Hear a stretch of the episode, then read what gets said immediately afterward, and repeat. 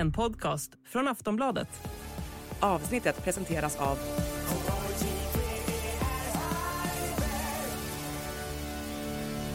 Stödlinjen.se, åldersgräns 18 år.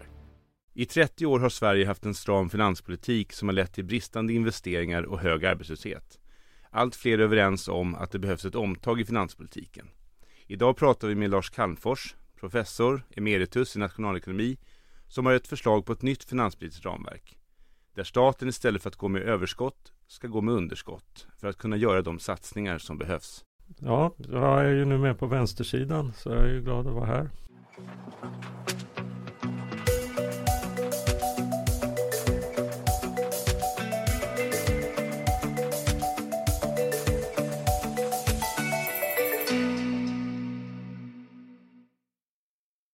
Ja, välkomna här allihopa. Det är fredag, det lackar mot jul och idag har vi med oss Lars Calmfors i studion. Professor emeritus i nationalekonomi och får man väl säga en, en nestor, en centralgestalt i svensk ekonomisk debatt under låt oss säga 30, men jag tror nästan skulle man skrapa på ytan är det kanske närmare 40 år. Eh, varit med och format detta. Eh, EMU-utredare har påverkat väldigt mycket av vårt tänkande i samhället. Välkommen Lars! Tack! Eh, och jag har också med mig som vanligt mina kollegor på Katalys. Enna Gerin, biträdande chef, välkommen. Tack, tack. Och Max Järnek, eh, vår samhällsekonomiska analytiker. Tack så mycket. Ja, eh, alltså den här frågan om det finanspolitiska ramverket låter kanske torr och tråkig för, ja inte för våra lyssnare kanske, men för många andra där ute. Men egentligen är det ju kanske den viktigaste politiska frågan av alla, för den bestämmer då ramen för statsbudgeten. Eh, så ett nytt ramverk möjliggör då en annan politik, både uppåt och neråt. Eh, och det, det här avgör ju det här ramverket hur staten kan och får spendera på välfärd, skola, försvar, klimat och allting. Eh, och vi kommer ju prata om det här med att man kan låna till investeringar, men det möjliggör ju också ett utrymme då potentiellt för, för att göra, alltså om man kan låna till investeringarna så kan man ju spendera de andra pengarna man idag spenderar på investeringar på skola, vård och omsorg. Så det hänger ju liksom ihop i statens budget. Det är en teknisk fråga.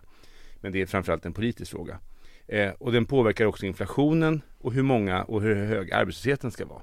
Och den avgör därmed också pensionsfrågor och annat, löner i den offentliga sektorn och förlängningen då hela ekonomin.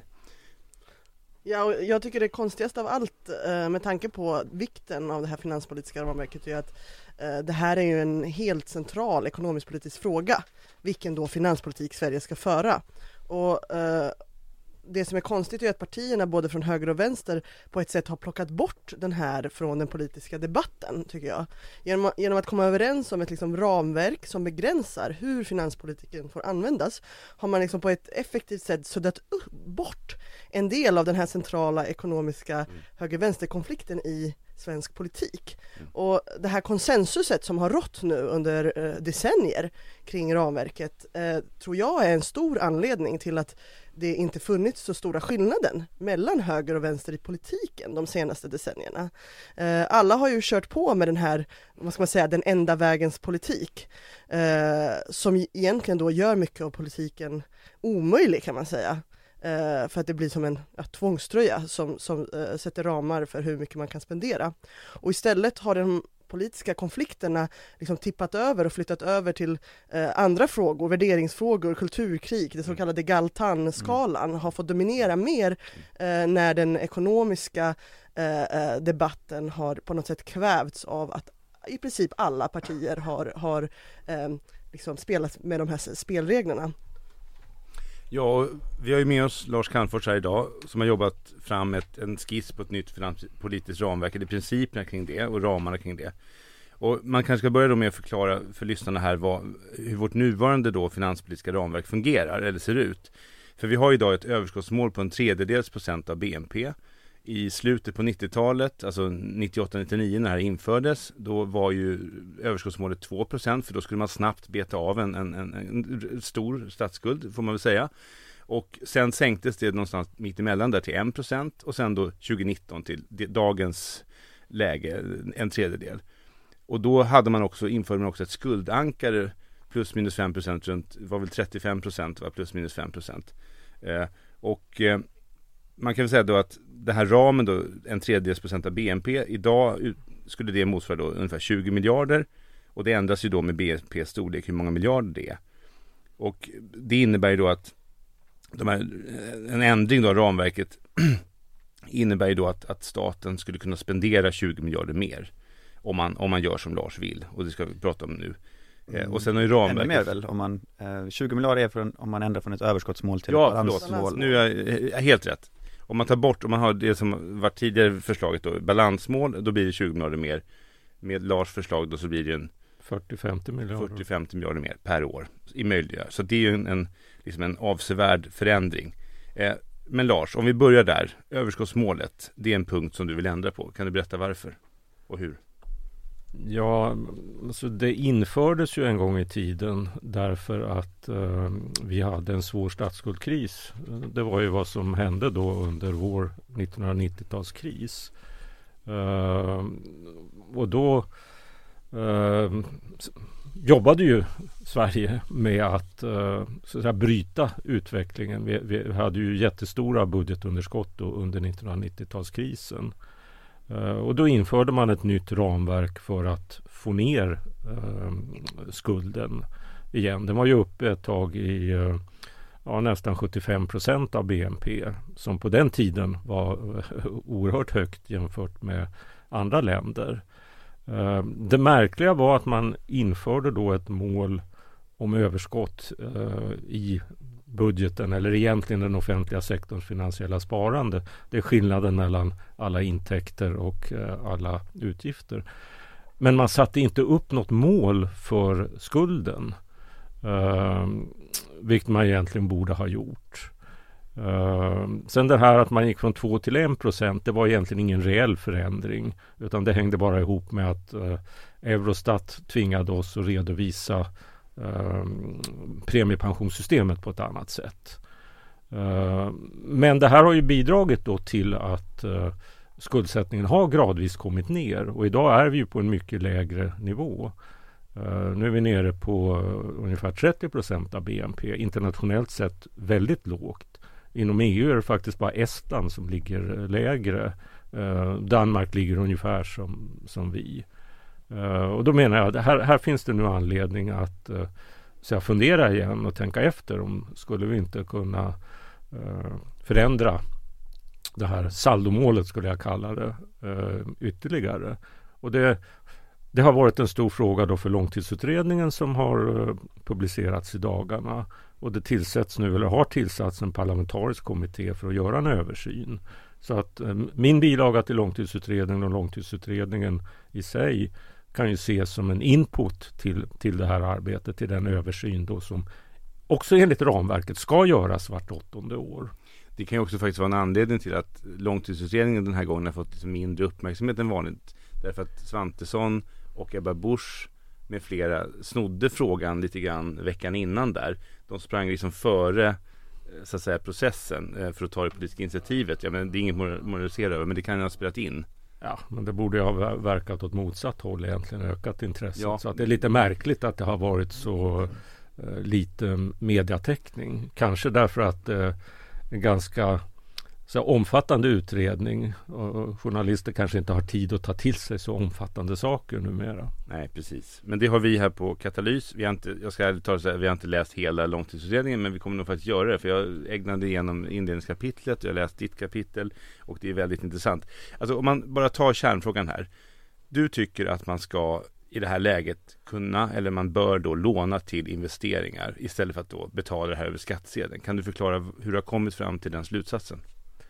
Ja, så ehm, för det första så eh, kan man konstatera att så här, skuldankaret och överskottsmålet harmonerar inte med varandra.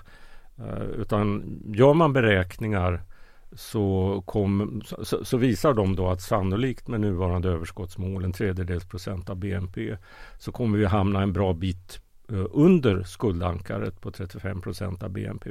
Kanske hamnar någonstans mellan 25 och 28 procent av BNP. Inte imorgon men, men, men på lång sikt. Så redan det, där finns det en anledning att, att, att fundera.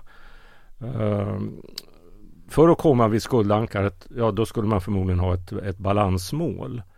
Uh, jag argumenterar ju då för att vi mycket väl skulle kunna ha ett underskottsmål på ungefär en halv procent av, eh, av BNP. Uh, och då skulle vi hamna på en skuld, alltså Maastricht-skuld då, på kanske 45-50 procent av BNP på lång sikt.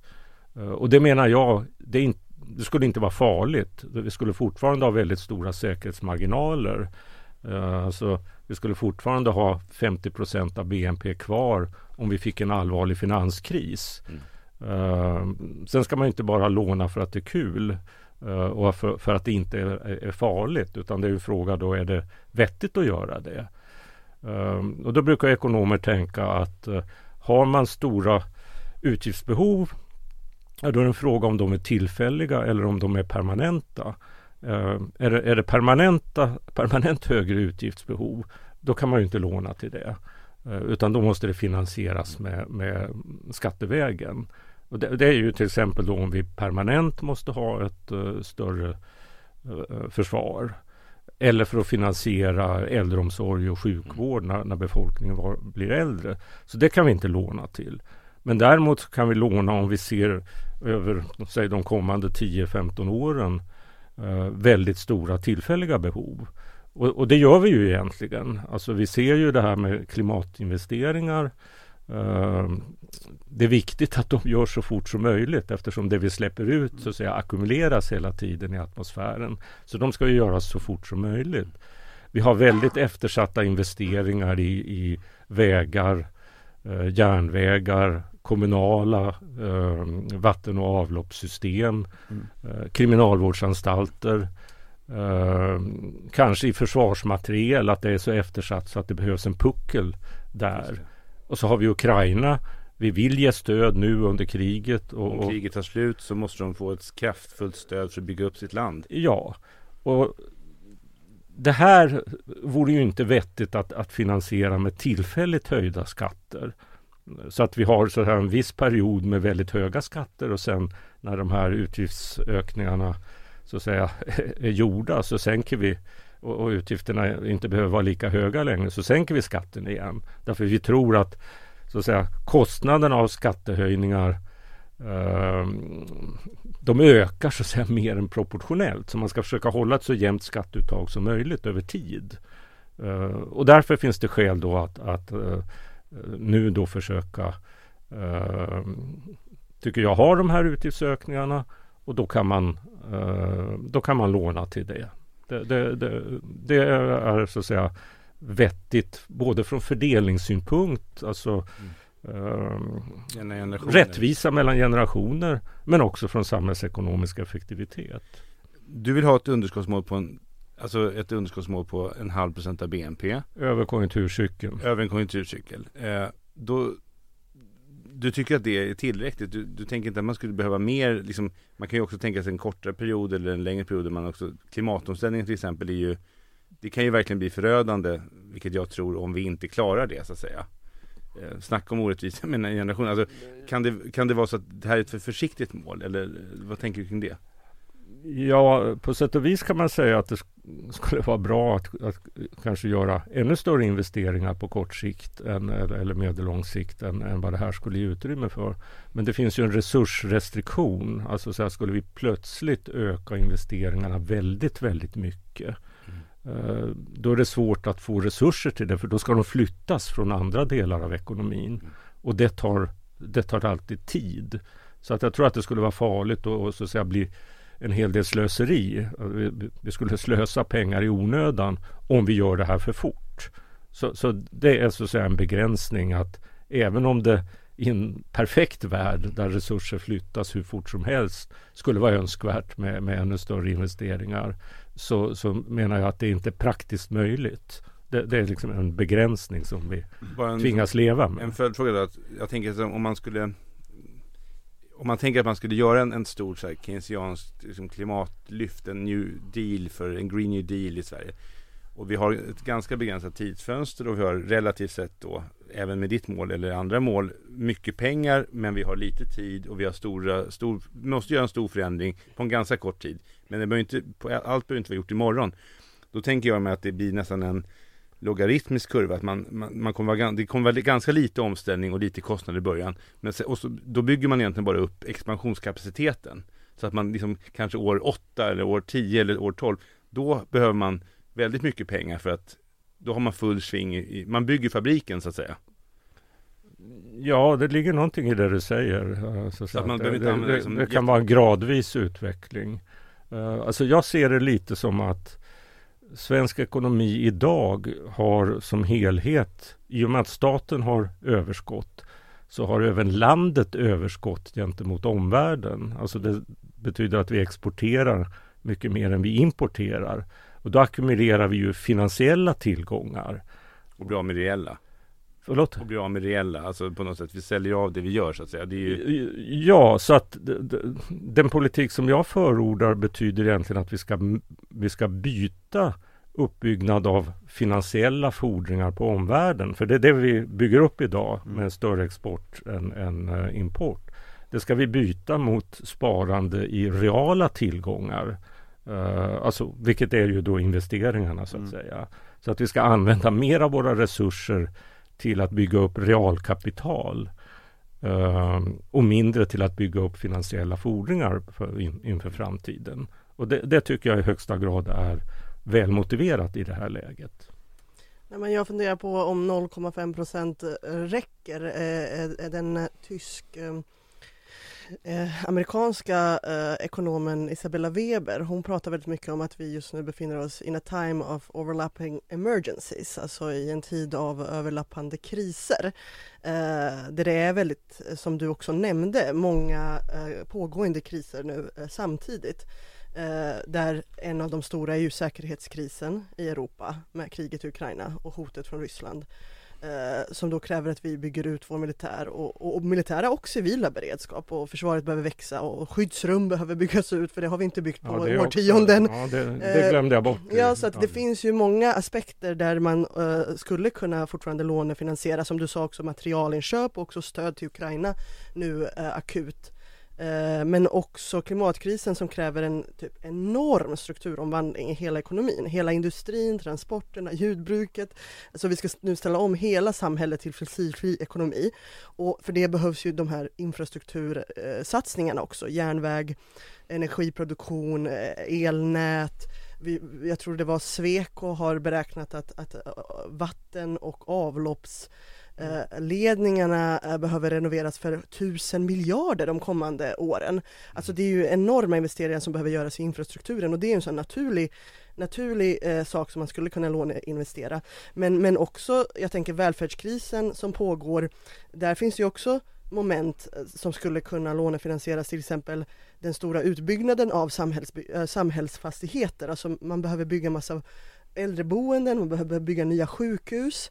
Eh, Sådana saker. Eh, Äldreboendena kanske måste ha luftkonditionering och kylanläggningar. Ja, Nej men eh, jag tänker bara att vi har en demografisk utveckling, vi blir allt fler över 80 år.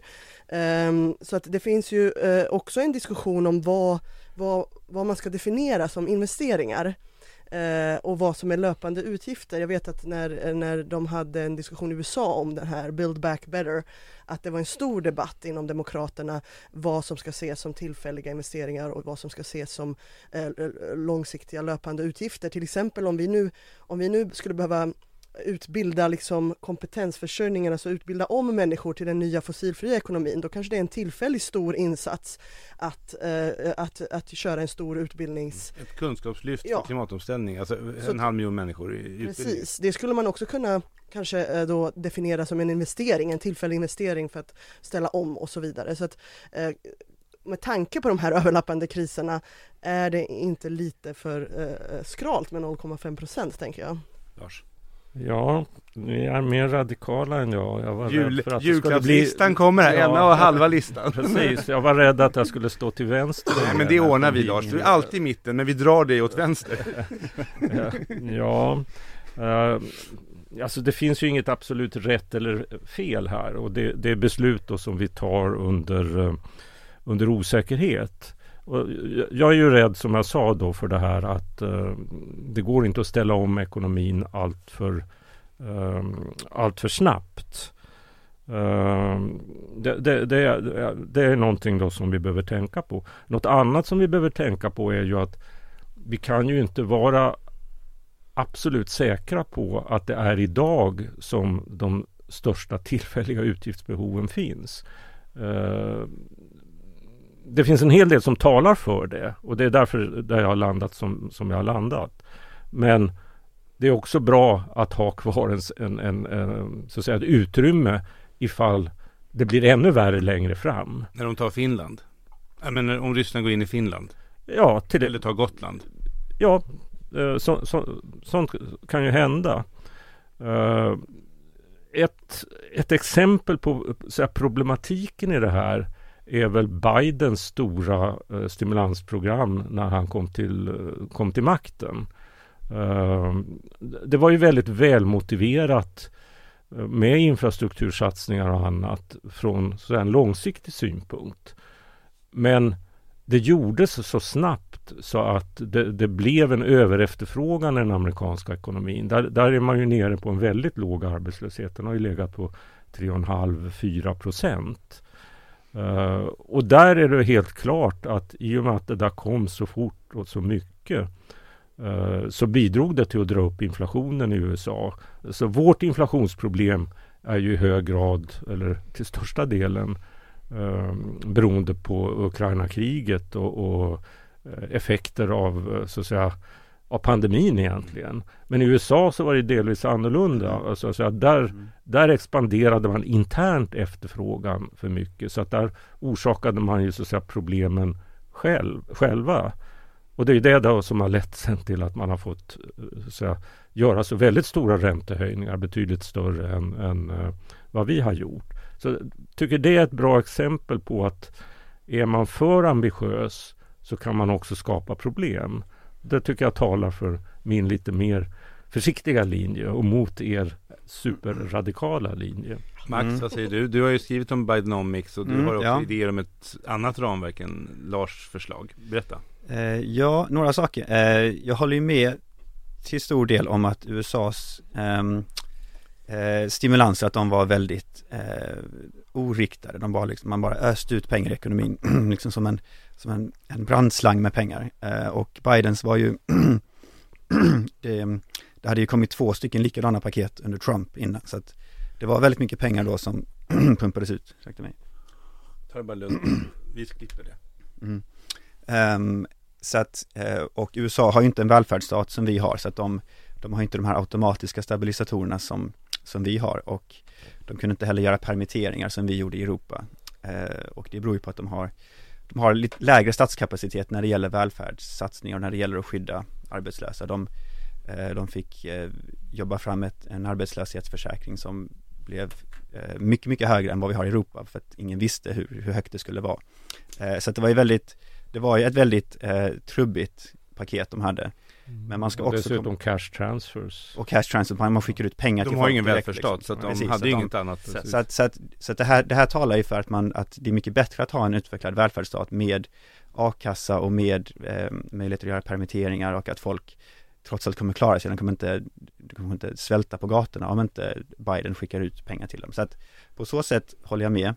Men det är också så att Eh, den här gången efter pandemin så har USA haft den snabbaste återhämtningen någonsin. Det är en helt rekordsnabb återhämtning i ekonomin och arbetslösheten. Arbetslösheten var, eh, var uppe på nästan eh, 12 procent, att, att den var på väg mot liksom 25 procent och sen så steppade man in och, och eh, eh, både betalade ut med finanspolitiken men också penningpolitiken jobbade hårt och Federal Reserve delade ut lån till, till företag hej vilt som sen visade sig bli att de eh, avskrevs efter det.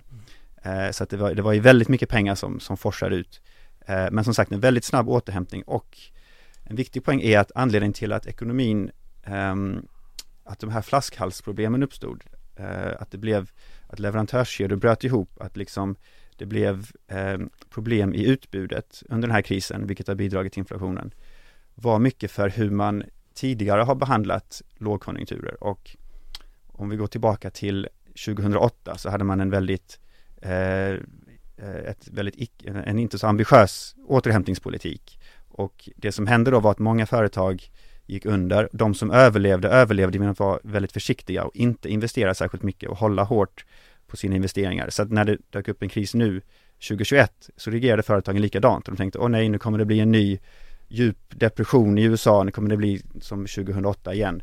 Det är bäst att stänga ner, det är bäst att eh, avbryta alla investeringar. Om man tar ehm, eh, i till exempel timmerindustrin, att eh, sågverken stängde ner och slutade expandera. Och det har de gjort sedan 2008 för att de enda som överlevde var de som var just försiktiga. Och när det sen kommer en, en boom i, och när, när hela tjänstesektorn stänger ner på grund av pandemin och eh, all efterfrågan flyttas över till varor istället för tjänster och det dessutom kommer ut massa nya pengar i ekonomin, eh, då uppstår en enorm eh, diskrepans mellan utbud och efterfrågan. Eh, och halvledare är också ett sådant exempel, att man har slutat bygga halvledare i USA, eh, man har inte slutat, men man har minskat och man har förlitat sig på Taiwan och, istället. Eh, så att det blir väldigt många flaskhalsar också på samma gång. Så att det är, det är både efterfrågan, men det är också den här historien av att man har varit för dålig på att återhämta sig med finanspolitik efter 2008 och är längre tillbaka än så. Eh, och sen så är det de här flaskhalsarna i, i eh, världsekonomin. Och USA har ju haft, man fick en väldigt hög inflation, men inte högre än Europa egentligen och den är på väg ner nu igen. Och eh, man har haft väldigt höga räntehöjningar som du sa, men de har egentligen inte skadat ekonomin utan arbetslösheten har fortsatt vara rekordlåg. Eh, den lägsta på 50 år, vilket har gjort att eh, många minoriteter har kommit in på arbetsmarknaden. Arbetslösheten bland svarta är den lägsta den har varit eh, sedan 60-talet kanske. Så att det är ju, det är ju en, alltså jag skulle nog säga att den här räddningen man gjorde av ekonomin då var värd, även om den ledde till marginellt högre inflation. Eh, och sen så har man ju de här nya paketen med infrastruktur och Eh, klimatinvesteringar och satsningar på halvledare. De är ju till för att, för att eh, rätta till de här, att man inte har investerat i utbudet innan. Så att eh, först räddar man ekonomin med stora efterfrågestimulanser och sen så nu satsar man på att investera i utbudet. Så att jag skulle nog säga att, att det har varit en, eh, en ganska så bra politik. Om man jämför med USA och EU så ligger USA mycket bättre till. Ja, men de borde ju egentligen haft lägre väsentligt lägre inflation än, än, vi i Europa eftersom de var mindre utsatta så att säga, för eh, eh ja, konsekvenserna av eh, Ukraina-kriget. Eh, alltså jag tycker fortfarande att givet som situationen såg ut där så borde man inte ha fortsatt med lågräntepolitiken och, och, och, och kö, de stora köpen av värdepapper eh, som Fed gjorde, som vi också gjorde. Man borde inte ha fortsatt med det så länge och, och, och Bidens stora program så att säga kom, kom egentligen i, i, i, i fel läge. Uh, de har ju också problem, alltså de vi är ju någonstans i alla fall i närheten av balans i, i, den offentliga sektorns finansiella sparande. USA har ju fortfarande väldigt stora underskott, en, en skuld som fortsätter att öka.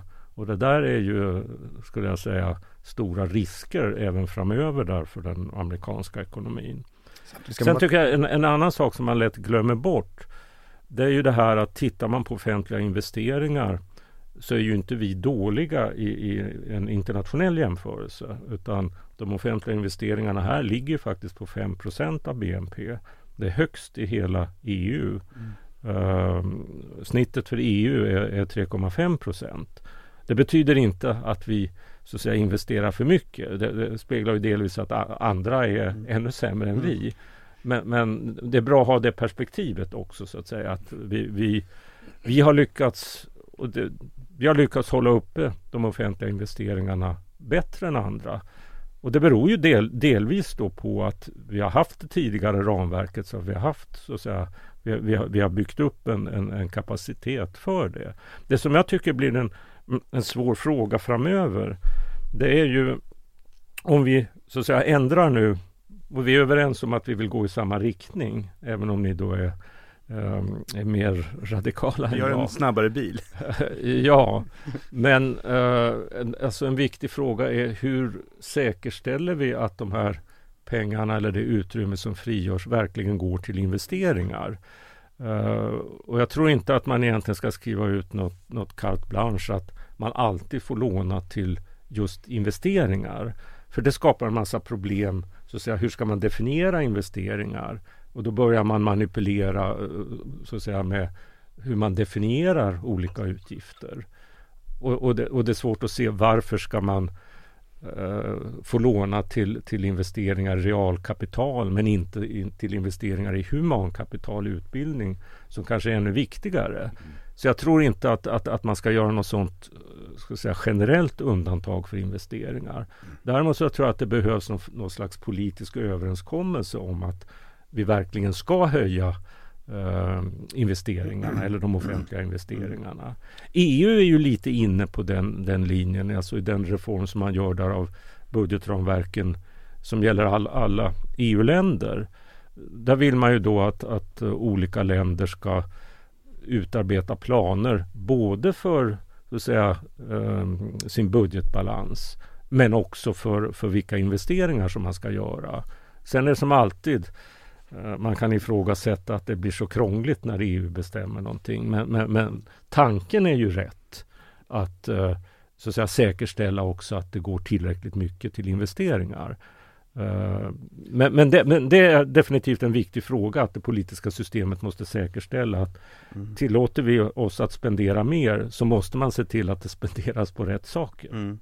Och vi har ju faktiskt en, en politisk överenskommelse som skulle kunna guida oss. Det är ju det klimatpolitiska ramverket och Klimatpolitiska rådet har ju länge sagt att det finanspolitiska ramverket är inte, inte eh, kompatibelt med det, finans, med det klimatpolitiska ramverket, att de två står i konflikt med varandra för att det klimatpolitiska ramverket anger att vi behöver mycket större investeringar.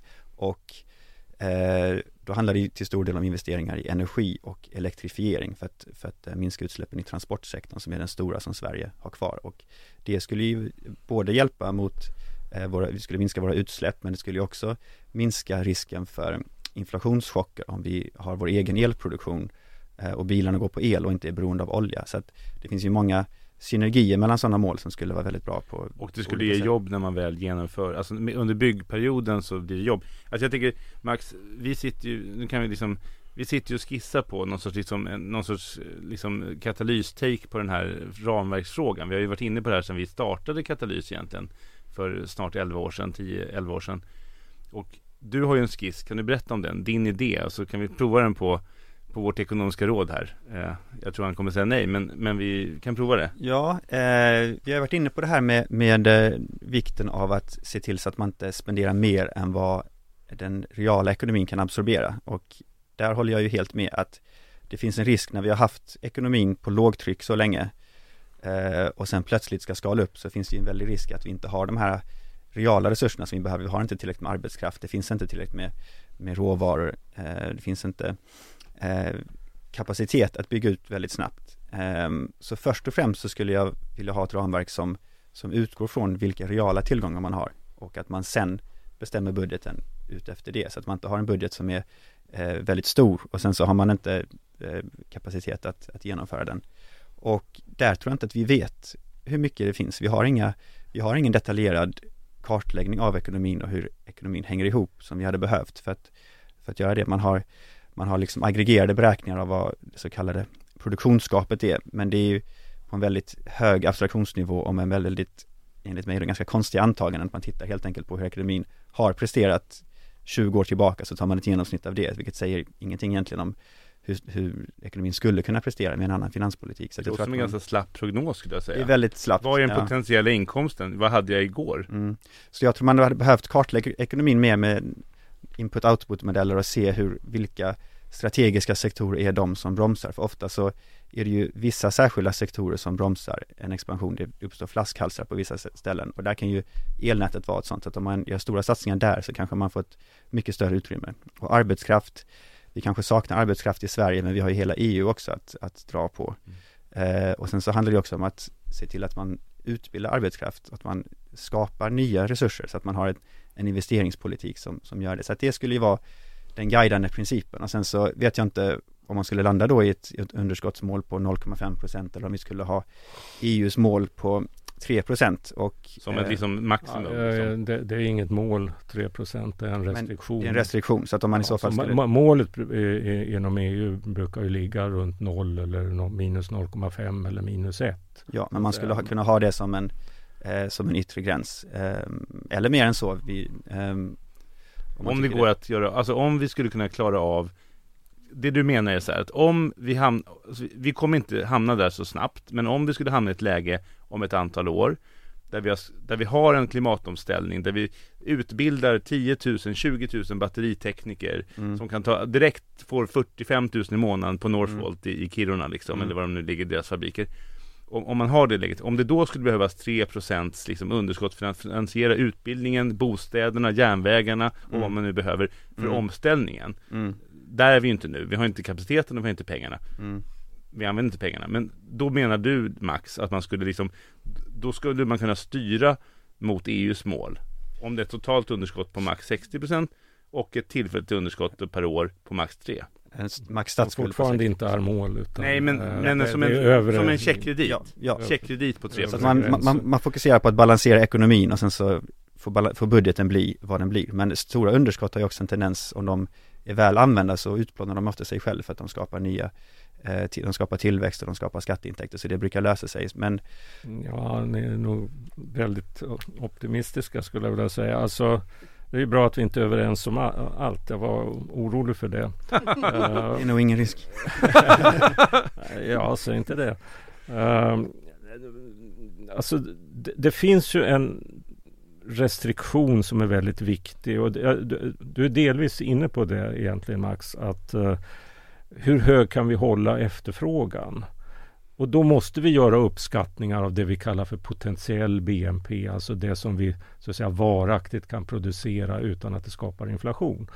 Och det och, så att säga, beror ju i sin tur i väldigt hög grad på arbetsmarknaden. Hur, hur låg tror vi att vi kan få ner, hur, hur långt kan vi få ner arbetslösheten utan att det skapar obalanser och, och, och inflation.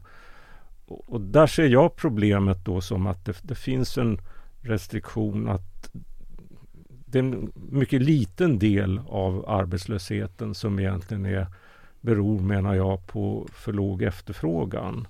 Det, det är en del nu därför att vi, vi, vi är inne i, i, just en lågkonjunktur. Men att det är väldigt hög grad så är det strukturella problem. Alltså att vi har väldigt många Ja, vi har matchningsproblem kan vi uttrycka det som. Att, att vi, vi, vi har väldigt många som inte har den utbildning eller den kompetens som behövs för att så att säga kunna anst vara anställningsbara på de jobb då som, som finns. Och det där är då i högsta grad en, en reell restriktion, eh, menar jag. Och vi ska ju förstås göra allt med, med språkutbildning av utrikesfödda, arbetsmarknadspolitiska insatser, intensifierad arbetsförmedling, eh, utbildningsinsatser eh, för, för, att få ner den strukturella arbetslösheten. Ehm, men det, det, är saker som tar tid. Nuvarande regering gör, gör för lite där, ehm, absolut. Men det är saker som, som, som tar tid. Så att en mer expansiv finanspolitik, eh, ja, det tycker jag är vettigt. Och den, i, i, i vissa lägen, i, i, i, djupa lågkonjunkturer, så kan det förmodligen bidra till att vi får högre sysselsättning än, än, eh, än annars. Uh, men i, i normalsituationen så tror jag inte det, det, det utan då, då, är det inflationsrestriktionen som biter. Och det som kommer att hända då med en mer expansiv finanspolitik det är att penningpolitiken istället blir, blir mer restriktiv. Det behöver inte vara fel så att säga. Det, det, det kan vara en bättre kombination. Jag tror att det skulle vara bättre att vi hela tiden låg med lite större underskott. Eh, eller med... mer finanspolitik och mindre penningpolitik?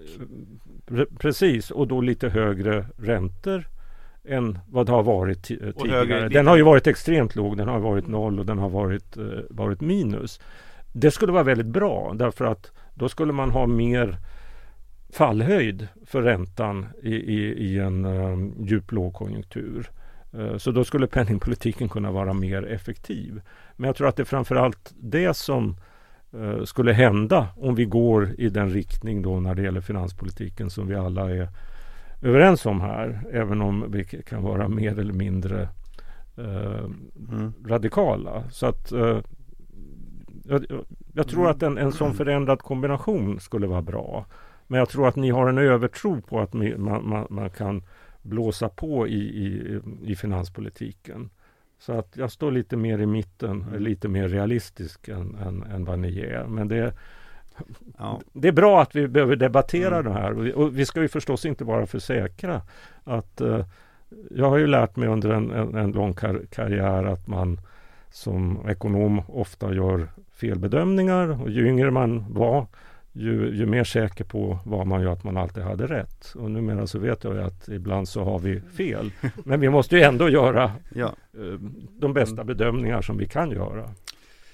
ja eh, mycket där att Alltså, medan du tänker ut ditt svar så tänker jag så här, Lars, du har ju alltid förhållit dig och du har också skrivit en fin memoarbok här som jag läste för några år sedan eh, när den kom. Eh, liksom om att du har rört dig mellan politik och forskning, mellan ekonomi, ekonomisk vetenskap och den politiska liksom eh, arbetsverkstan. Och det är väl liksom, det här är väl liksom en sån här diskussionen nu mellan så att säga Lars och Max och så att säga det är ju ett kvalificerat samtal om så att säga egentligen politiska samhällssyn, ideologi, tilltro till vad ekonomin kan göra. Liksom. Och där har man ju olika värderingar, alltså hur man värderar inflationen. Är 5% inflation ett jätteproblem om man har 2 arbetslöshet? Alltså är det inte, alltså man kan göra en annan bedömning att, att 5% arbetslöshet är värre med, i kombination med 2% inflation. Och vi har ju haft väldigt låg inflation, vi har ju missat det inflationsmålet. Riksbanken har ju, om Riksbanken var en skidskytt, då hade man ju varit bom på varje skott. En hel, liksom, en hel distans, ett helt distanslopp hade Riksbanken missat inflationsskyttet varje gång. Eh, och man hade också missat arbetslösheten, den hade varit skyhög. Och där tänker jag att Max, du har en annan, en annan värdering om vad som är sunda statsfinanser. Eh, Jag tror inte det handlar så mycket om att vi har olika värderingar, att vi, jag tror att vi tycker väldigt lika i vad vi vill ha för mål. Jag tror att båda vill ha låg inflation och hög sysselsättning, låg arbetslöshet och sen så har vi olika eh, syn på vilka antaganden om hur ekonomin funkar. Jag tror att den stora skillnaden ligger där istället. Och eh, det du sa om att, att du har en mer realistisk syn, eh, den skulle jag ju såklart vilja, vilja ifrågasätta det Ehm, var ett slag under bältet. Eh, Okej, då, ska jag, inte- då ska jag inte gå in för mycket på det, men om man tänker på det du sa med att eh, det är arbetslösheten. Vi är tre mot en här i studion Max. Det, Jag ska ta det lite försiktigt. Men, nej, eh, jag skojar. eh, ja, att eh, om man sänker arbetslösheten, om man försöker sänka arbetslösheten för mycket, så kommer inte det lyckas, för att de här människorna kommer ändå inte få jobb, men det som kommer hända är att man får inflation. Alltså det du pratar om är jämviktsarbetslösheten, väl? Eh, att det finns en viss strukturell arbetslöshet som man inte kan rå på med eh, mer efterfrågan. Och, Annat än att det då skapar inflation. Då skapar ja. Men, inflation. men alltså, mm, det är ju väldigt svårt det här med uppskattningar av jämviktsarbetslösheten. ja, Eh, och det är inte något empiriskt mått utan det är ett, ett teoretiskt antagande man gör. Man, Ja, man, man, man kan försöka eh, skatta den men, men de skattningarna kommer ju ofta till, till olika resultat. Men man måste bilda sig någon slags uppfattning ändå eh, om eh, var den kan, kan ligga. Alltså det, det det handlar om är ju i grunden kan vi köpa så att säga lägre arbetslöshet genom eh, Att spendera. Ja, genom lite högre inflation. Och det, det tror vi ju normalt inte. Men jag är i och för sig anhängare. Jag tycker att inflationsmålet ligger för lågt. Jag skulle vilja höja inflationsmålet. Du tittar Max på mig lite, lite eh, frågande, så nu är jag kanske mer radikal än du. Mm. Eh, ja, det vill inte jag- jag göra. Mm. men, men ehm, så, så, som jag och som många ekonomer tänker är att ligger vi på 2 inflation då kommer räntan normalt att bara ligga lite över eh, 2 eh, Tidigare har den ju snarast legat, eh, legat under det.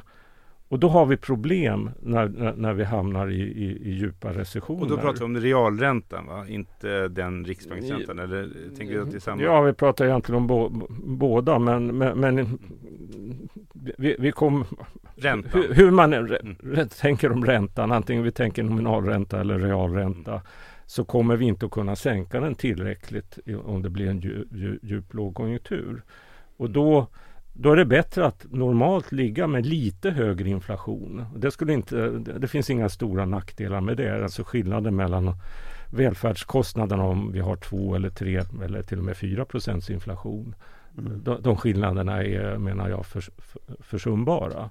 Så det skulle vara en väldigt stor vinst om, om vi kunde ligga normalt med, med lite, uh, lite högre inflation. Men, men det här är en väldigt svår, svår diskussion. Den, den förs bland ekonomer, den förs även bland centralbanksfolk. Mm. Men, men, det finns en väldig rädsla där för, för, i centralbankerna för att liksom börja ändra på det här. Och det är klart att det, det är väldigt svårt i ett läge när inflationen har varit väldigt hög om, om, om det skulle påverka förväntningarna om många skulle tro att man ändrar inflationsmålet, inte därför att det är bra i sig, utan därför att man inte klarar av att komma ner på, på låg mm. inflation. Mm. Så hur en sån här förändring ska gå till, det, det, det, det, det är inte mm. helt lätt. Och kan ett enskilt land göra det? Ja, det menar mm. jag. Många andra tycker att det skulle vara problematiskt. Mm. Max? Eh, jag har nog lite lägre tilltro till Riksbankens förmåga att nå målet, så att, att ändra målet tror inte jag skulle spela så jättestor roll. Men den, den viktiga frågan här är att Eh, så som du definierar det, så säger du att arbetslöshet och inflation är, det finns en avvägning däremellan. Får man lägre arbetslöshet så får man högre inflation. Eh, och det är alltså Philipskurvan. Och den, den har väl visat sig inte finnas i verkligheten på senare år åtminstone. Det fann, eh, när, när Philips gjorde sin studie så tittade han på England under några årtionden och då fanns det ett sådant samband mellan löneökningarna och arbetslösheten och löneökningarna. Um, och här i Sverige så har vi ju fackföreningar som ser till att, att hålla löneanspråken nere så att, så att vi inte kommer in i en, i en sån spiral. Och ja, vi har på... ju haft, alltså sambandet ser ut under olika, olika ut under olika perioder. Men det är klart att eh, sen vi gick över till ett inflationsmål, där ser det ut som det är ett, då, då har förväntningarna varit, om inflationen har varit förankrade vid ungefär 2 procent. Och, och, och, och, då har det ju funnits ett samband. Men, men det som förstås skulle hända om vi varaktigt låg på en uh, betydligt högre inflation än inflationsmålet, då försvinner ju förstås sambandet. Det, det, det är ju så att säga traditionell alltså en sak, eller, eller modern makt. En sak som jag tycker man kan ta in i det här som liksom blir också samhällsfrågan, liksom, det är det att nu har vi inte haft det, men om vi säger att vi har en, en, vi har en grupp, några hundratusen människor som inte är i sysselsättning, som skulle kunna vara i sysselsättning potentiellt vi har ju inte maxat i Sverige de sista decennierna, egentligen under väldigt lång tid, så har vi inte, vi har inte, ba, vi har inte bäddat, så att säga, bäddat in människor i en massiv arbetsmarknads och utbildningspolitik och så lyckas de ändå inte få jobb, utan det är ju massa människor som har en utbildningspotential. Kvinnor, man tar liksom, som många då kanske tänker migrerade kvinnor, alltså den potential vi har. Vi var ju med i ett tv-program här i veckan, du och jag Lars, eh, som finns på SVT Play till Resko när vi pratade om egentligen samma frågor, men här pratar vi vidare, liksom lite djup, fördjupa detta, verk, verkligen fördjupa detta. Men om man tänker att det kom fram en uppgift där som var ny för mig att liksom sysselsättningsgraden bland utlandsfödda män är nu likadan som för svensk inhemskt födda män. Det är fantastiskt och då finns det en potential bland utlandsfödda kvinnor att komma in i arbete. Man kan liksom lyfta, åh de jobbar inte, men man kan också säga, gud de kan komma i jobb. Och här har vi välfärdsstaten och industrin behöver folk. Här har vi ett par hundra, vi har en reserv här som skulle kunna utbildas. En del har kanske en lång resa, en del kanske inte, vi kanske inte, alltså vi har en lång resa för vissa. Men en del kanske har en kortare resa. Det är, har man, liksom, sköter man en stor familj och den funkar trots svåra ekonomiska problem, då kan man säkert också jobba i äldreomsorgen på ett bra sätt. Alltså, har vi liksom... Någonting som vi egentligen vet är ju att utbildningsinsatser verkar vara mer effektiva för eh, invandrade kvinnor än, än för andra grupper. Eh, så där finns definitivt en, en potential. Eh, det är lite av en, alltså både socialdemokratiska och borgerliga regeringar har ju hållit nere arbetsmarknadsutbildningen på en väldigt låg nivå. Det, det, och där vet vi också att den många gånger fungerar bättre att få folk i, i, i varaktig sysselsättning än så att säga, utbildningsinsatser i, i det reguljära utbildningssystemet. Mm. Vi vet att intensifierad arbetsförmedling Eh, också hjälper. Så att säga att det, det, till viss del kan det bli undanträngning av andra grupper men det verkar också vara en, en, en positiv nettoeffekt på sysselsättningen. Så där finns det väldigt mycket att, att göra. Jobbskatteavdrag hjälper förmodligen också. eh, I och med att det skapar så att säga incitament för eh, uh, arbete i förhållande till att vara försörjd i, genom bidrag. Samtidigt så är det en väldigt dyr åtgärd. Och om man, skulle kost, välja, om man vill sänka arbetslösheten och öka matchningen på arbetsmarknaden.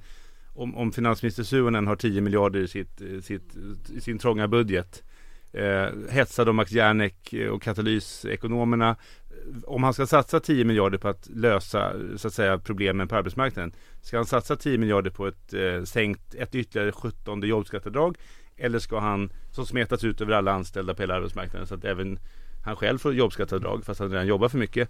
Eller riktade insatser för att i, i bristyrken utbilda människor, grupper som står utanför arbetsmarknaden. Vad skulle du satsa på, professor ja, Calmfors? Ja, om man, om man vill påverka incitamenten så tror jag att en, en jobbpremie för de som så att säga nu försörjs på sociala ersättningar och sen går till arbete. Det är mycket mer kostnadseffektivt än ett jobbskatteavdrag. Då räcker det med kanske en miljard eller två miljarder? Ja, Samtidigt så tycker jag att, att det jobbskatteavdrag då som, eh, eller extra jobbskatteavdrag som, som kommer då eh, näst, nästa år. Eh, skulle, samtidigt skulle jag försvara just det därför att det har, har en viss låginkomstprofil. Den kunde i och för sig vara ännu tydligare. Men så att säga, den, den grupp som har kommit sämst ut under eh, nuvarande kris eh, det är ju egentligen arbetande låginkomsttagare. De, de har kommit i någon mening sämre ut än, än höginkomsttagare som eh, så att säga, ja, förra året, då, eller i år rättare sagt, så indexerade man ju eh, brytpunkten för, för statlig inkomstskatt. Och vi har haft indexeringar av, av, av sociala ersättningar. Men den grupp som så fördelningsmässigt kom ut sämst var egentligen eh, arbetande låginkomsttagare. Så, även om jobbskatteavdraget det extra som kom nu, det var, det var inte perfekt utformat men det var ändå skulle jag säga ett steg i rätt riktning i den situation som, som, som var nu. Alltså du är inne på indexeringar. Enna, vi hade ju för ett par år sedan nu en, en tysk ekonom i, i Stockholm tillsammans med Friedrich Ebers Stiftung, Peter Bofinger. Och du berättade när vi planerade den här podden att han blev helt häpen när han hörde om det här att de här permanenta nedskärningarna i välfärdsstaten som det här ramverket och liksom vår nuvarande finanspolitik leder till. Kan du berätta om det och vad var hans take och vad är din tanke?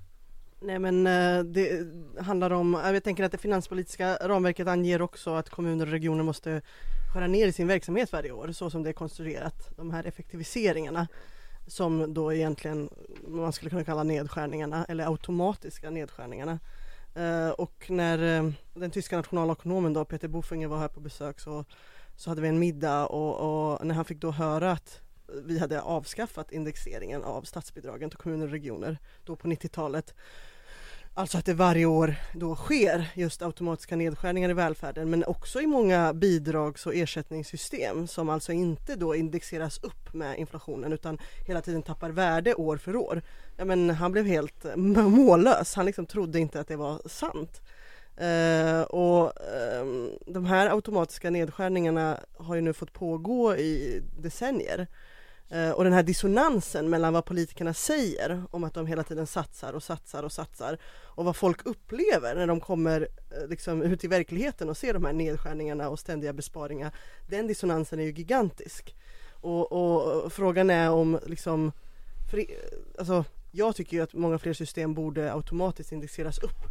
Eh, jag tycker det är en bättre ordning att politikerna får ta ansvar för när de aktivt väljer att skära ner i systemen än att de kan liksom gå runt och säga att de satsar när de egentligen inte ens kompenserar för den automatiska nedskärning, nedskärning som sker. Uh, är det här också någonting som man i det finanspolitiska ramverket kan liksom, är det någonting där som behöver justeras för att ändra på, på de här automatiska nedskärningarna? Jag skulle säga att det låter som du citerar min, uh, min bilaga. För att jag argumenterar ju just för det. Uh, att uh, nu bestäms ju statsbidragen till kommuner och regioner. De bestäms ju nominellt varje år. Uh, ibland kan det i och för sig gynna kommunerna uh, och regionerna. De fick ju väldigt mycket pengar just under pandemin. Där över, överkompenserades de. Uh, men jag tycker vi skulle ha ett system där statsbidragen till kommunerna Uh, egentligen, det skulle vara indexerat till eh, eh, in, in, inte till konsumentpriserna utan då till ett uh, priskostnadsindex som speglar uh, så att säga, kommunernas uh, utgiftssammansättning. det borde helt enkelt garantera kommunerna så att säga, en, en inkomsttillväxt som, som gör att deras reala skatteunderlag så att säga, utjäm, utvecklas i en, i en jämn takt. Då, då, skulle de också med automatik få mera pengar när eh, konjunkturen vänder neråt och skatteunderlaget eh, så att säga, minskar. Och det här skulle vara bra det, det, är det som vi ekonomer då med en teknisk term kallar automatisk stabilisator. Det skulle så säga automatiskt hjälpa till att uh, utjämna uh, konjunkturen. Men eh, dessutom, och det är du inne på Enna, att, att eh, det har ju med transparens och, och, demokrati att göra. Att idag så är det ju fullkomligt omöjligt även för de flesta ekonomer att, att, så att säga, bilda sig en snabb uppfattning om de satsningar i, i, form av höjda statsbidrag som levereras varje år om de är reala satsningar eller inte. Mm. Och, och, och, det är liksom inte, inte bra när man ska utvärdera Eh, politiken. Så att det här är väl det största problemet med, där, där, där det, det indexering saknas. Men, men, det är klart att det är också ett problem med, med, med taket i, i, i a-kassan. Nu sätts det nominellt och sen sjunker det då realt över ett antal år och så slår man till med en höjning och det blir väldigt konstigt. Så att säga, varför ska det så att säga, sjunka och, och, och varför ska de som drabbas av, arbetslöshet under, under långa perioder. Det är en liksom där vissa drabbas. Ja. Och har man otur att bli arbetslös vid fel tidpunkt Precis. så får man lägre a-kassa än ja, andra. Ja, och, och jag vill ha och, och föreslår också, och det gör för övrigt uh, lång, uh, långtidsutredningen, att vi dessutom borde ha en konjunkturberoende a-kassa så att uh, den skulle bli mer generös under perioder med, uh, med hög arbetslöshet. Det har man ju faktiskt i USA. Mm. Uh, som, som ni inte gillar ofta. Men, jo, vi älskar just, USA nu. just det är ju, är ju bra. Och det, borde också, det skulle också vara en automatisk stabilisator. Mm. Och det är ju väldigt bra i lågkonjunkturer därför att då, då styrs ju pengar till de som så att säga, konsumerar mest när de får en inkomstökning. Och dessutom behöver man inte försiktighetsspara för att man är rädd att bli arbetslös i, i samma omfattning. Och då får man liksom lite grann, en, alltså, jag tänker så här att det du beskriver, ett annat sätt att se på det är att politiken blir mindre beroende av och medborgarnas villkor blir mindre beroende av opportunism och populism och tillfälliga politiska spel. Utan man vet att blir man arbetslös så, så har man rätt till en viss standard. Och, det är vi, och jag menar, vi på Katalys brukar ofta prata om det här, alltså, vä, alltså den socialdemokratiska välfärdsstaten, att man har en klasskollision mellan tjänstemannagrupper och arbetargrupper och att det bygger på att också tjänstemännen får samma, en, en god ersättning från till exempel sociala försäkringar som a-kassan. Och det har ju verkligen ut, urholkats då sedan 90-talet. Att, att väldigt många kompenserar sig privat och det eroderar ju stödet för, för det som vi vill ha då, en socialdemokratisk välfärdsstatsmodell. Ja, jag skulle vilja lägga till en sak till. att eh, Jag skulle vilja ha mer av det vi kallar eh, för halvautomatiska stabilisatorer. Så att jag, jag, jag skulle egentligen vilja att det fanns om vi går in i en lågkonjunktur så ska det finnas förberedda eh, paket av skatterabatter eller eh, eh, transfereringar inriktat i första hand då på låginkomstgrupper. Och jag tror att om, om, om det fanns sådana paket som paket var förberett. Paket 2, paket 3, paket 4. Precis. Som man, det, det, krävs då ett aktivt beslut att, att, att sätta in dem. Men jag tror att hade vi haft det Mm. Då, då, hade det inte blivit den här debatten om att när, när, när, elpriserna stiger eller bensinpriserna stiger då måste vi sätta in stöd som motverkar prisökningarna. Mm. Och det är, inget, det är inget bra för prisökningarna är ju signaler då om, om, om bristsituationen att vi ska hushålla med, med resurser. Uh, däremot så är det viktigt att kompensera för inkomstfallen till följd av prisökningarna. Men då tror jag det, det, det, inte alls hade varit lika självklart att det skulle bli de här elprisstöden och, och bensinskattesänkningarna. Utan då hade man kunnat stödja människors inkomster men och då Precis, stimulerat dem att kanske då minska sin konsumtion av el och drivmedel. Precis, då hade vi förhoppningsvis fått en annan debatt. Att alla hade vetat att uh, nu är det ett läge då ska vi debattera, ska vi sätta in de här halvautomatiska mm. stabilisatorerna eller inte? Men nu så öppnades istället fältet för rent populistiska då utspel som egentligen var kontraproduktiva. Just det. Och då tänker jag att det är lite så att om vi hade ett, ett kärnkraftverk, då har man ju inte, då uppfinner man ju inte varje lösning. Om, om, om temperaturen stiger Exakt. i reaktorhallen, eller hur det nu går till, jag har inte, jag har glömt den här kursen jag gick på för länge sedan. Då är det inte så att man uppfinner, vad ska vi göra nu? Ja, i Tjernobyl kanske man gjorde det, men, men i princip i ett svenskt kärnkraftverk så har man ju färdigt, då trycker man bara på krispaket 1, krispaket 2 och sen tar man ut hela reaktorn i, liksom, i drift. Ja. Det händer ju varje vecka numera men, eh, i Sverige. Men, men alltså, det, alltså den, det låter väldigt spännande det här att man har, det blir en trygghet i systemet att man har krispaketen klara liksom. Ja, samtidigt ska man ju vara medveten om att det kan finnas nackdelar också därför att uh, kriser kan ju vara så speciella så att det man har förberett passar inte. Uh, Nej men om man tänker ja. sig inkomststöd, ja. eh, kommunala bid, kom, bidrag till välfärdsstaten, bidrag till polisen. Om man tänker sig att man, att man tänker att det är som ett smörgåsbord då av inte kanske stora paket utan vi har 110 små åtgärder som vi kan tillsätta. Som i princip då är en förutbestämd extra budget. Jo, men samtidigt så kan det naturligtvis finnas situationer som man inte har förutsatt eh, eller förutsett drabbas exportsektorn till, till exempel väldigt hårt. 2008-2009? Ja, då, då, då, då, är det kanske inte optimalt att, att, att stimulera konsumtionen för Nej. det hjälper inte de företagen. Men a-kassan hade man kunnat jobba med då? Ja, Permitteringsstöd och så vidare? Ja, så att, eh, jag menar som alltid så, så, så, är det fråga om avvägningar. Men jag tror ändå att man skulle röra sig i den här riktningen mot starkare automatiska stabilisatorer av det slag som vi pratade om. Men även mer av halvautomatiska stabilisatorer. Jag tänker på en sak. Liksom, om man nu återgår till den här frågan om så att säga, som är till kärnan i katalysen. Här, balansen mellan, kan man bekämpa arbetslösheten? Så tänker, jag tänker väldigt mycket på det här de gyllene åren efter andra världskriget. Alltså de här 30 åren, de har liksom namn, liksom, vi kallar det folkhemsepoken, liksom Erlander bygger ut välfärdsstaten, det är full sysselsättning. Visar egentligen inte det och det vi var inne på för en stund sedan, här Bidenomics, även om det finns dessa problem, det gör ju nästan alltid att det finns, det är, alltid, det är inte perfekt. Världen kommer aldrig vara perfekt. Men att, så att säga, katalys case, så att säga, Wigfors-caset, eh, Roosevelt-caset så att säga, Visar inte det att om man är liksom inte tänk, om man tänker utanför den nationalekonomiska skolboken att om man gör en stor investering som skapar jobb då är den ju per definition alltid tillfällig även om det här tillfället då kan vara 30 år.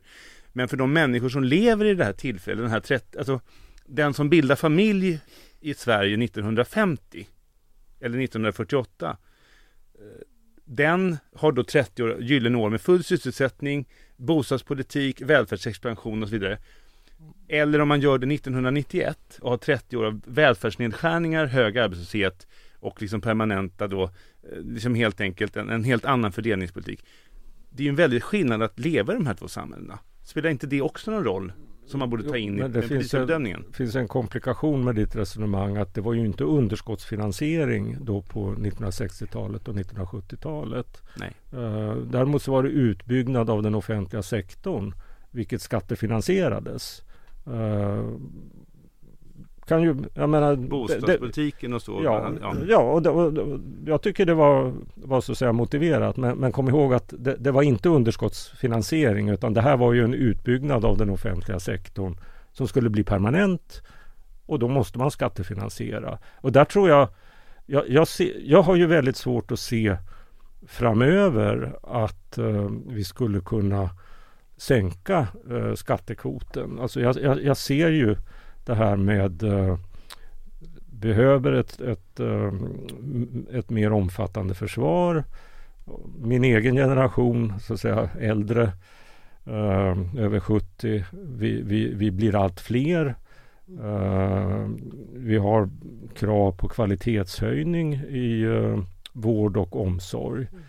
Och jag får det inte att gå ihop så att säga att, att det skulle kunna leda då till att eh, eller skulle jag ser inte att det skulle vara förenligt med en, en sänkning av, av skattekvoten. Nu har det ju skett en betydande sänkning av skattekvoten vilket många glömmer bort. 8,5 procent? Ja, från någonstans runt 50 procent. Uh, precis. Uh, vilket kanske har varit, jag, jag tror inte det är, rikt, är långsiktigt eh, hållbart. Eh, men, men vi, vi, ska nog inte tillbaka till 50 procent. Men om det ökar med en eller två procentenheter det, det, ja, jag ser inget problem med det och jag, jag tror att det kommer att hända. Ja, och, och, man kan nästan se det som att det är en eh, stor möjlighet. Då. Både statsskulden har pressats ner väldigt lågt men också då eh, skattekvoten som andel av BNP. Så det finns ju både möjlighet att öka eh, statsskulden men det finns som sagt också möjlighet faktiskt utan några större problem att öka skattekvoten några procent för att, eh, för att möta de här löpande utgifterna som kommer eh, öka framöver. Så ja, det som är permanenta ökningar. Ja, ja. Alltså man kan ju verkligen, alltså om, vi, om vi slutar bråka om den ekonomiska historien så skulle man kunna säga att så här, ja ja, vi kan se hur vi vill på så att säga 90-talets eh, sanering, den analysen gjordes då.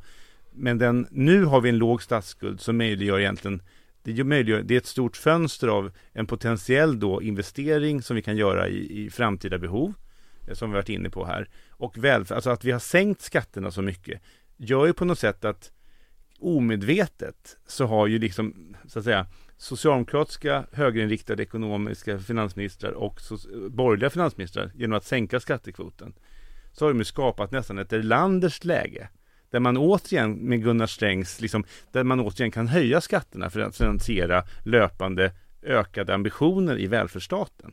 Så att det är ju på det sättet ett efterkrigsläge. Det är, liksom, det är ett Wigforsläge, ett efterkrigsprogramsläge. För att vi har, liksom, vi har sänkt, liksom, vi har inte haft investeringar och vi har inte eh, så att säga försvarat välfärdsstatens andel av BNP.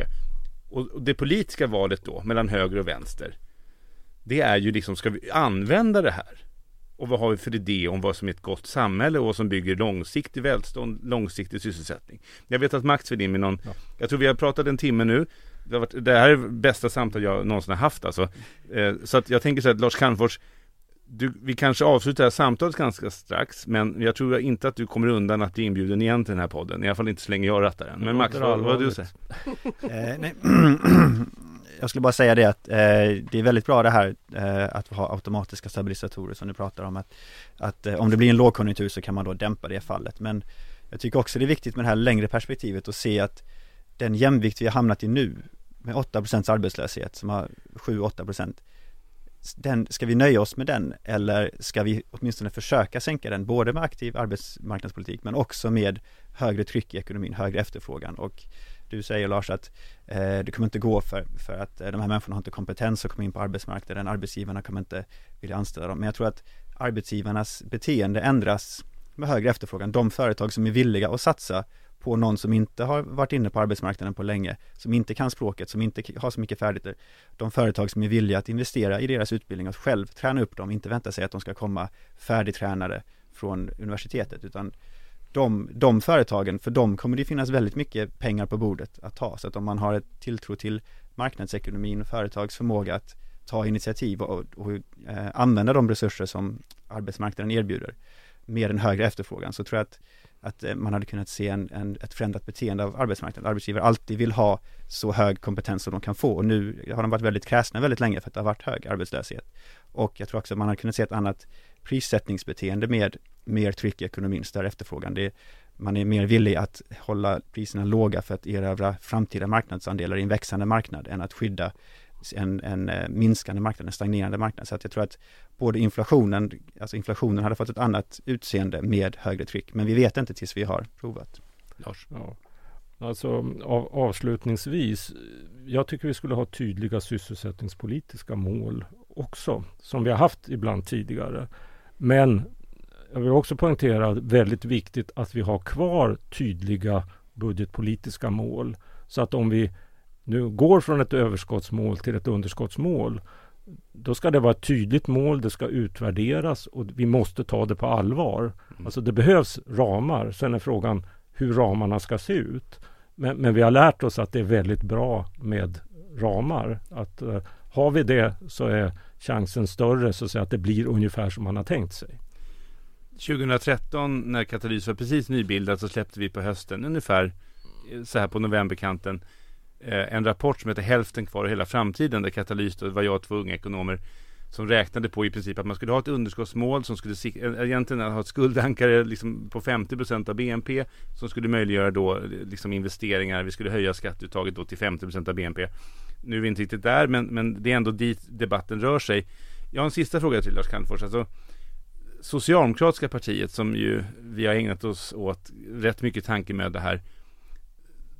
De verkar vara väldigt sega på att liksom nästan sist på bollen. Eh, tror du att Socialdemokraterna kommer liksom, kommer de undan att ändra sig på den här punkten? Alltså Magdalena Andersson i princip, kommer Magda Lena Andersson kunna bli vald till statsminister, vinna val, åstadkomma någonting utan att ändra sig ganska rejält på den här spara i ladorna, krona för krona, det gamla ramverket. Vad tror du om det?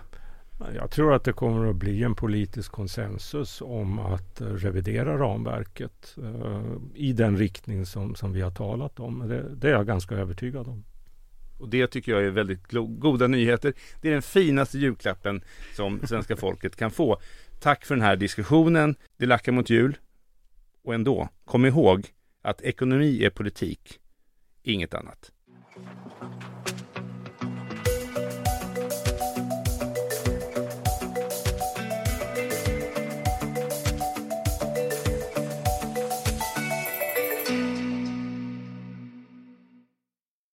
Du har lyssnat på en podcast från Aftonbladet. Ansvarig utgivare är Lena K Samuelsson.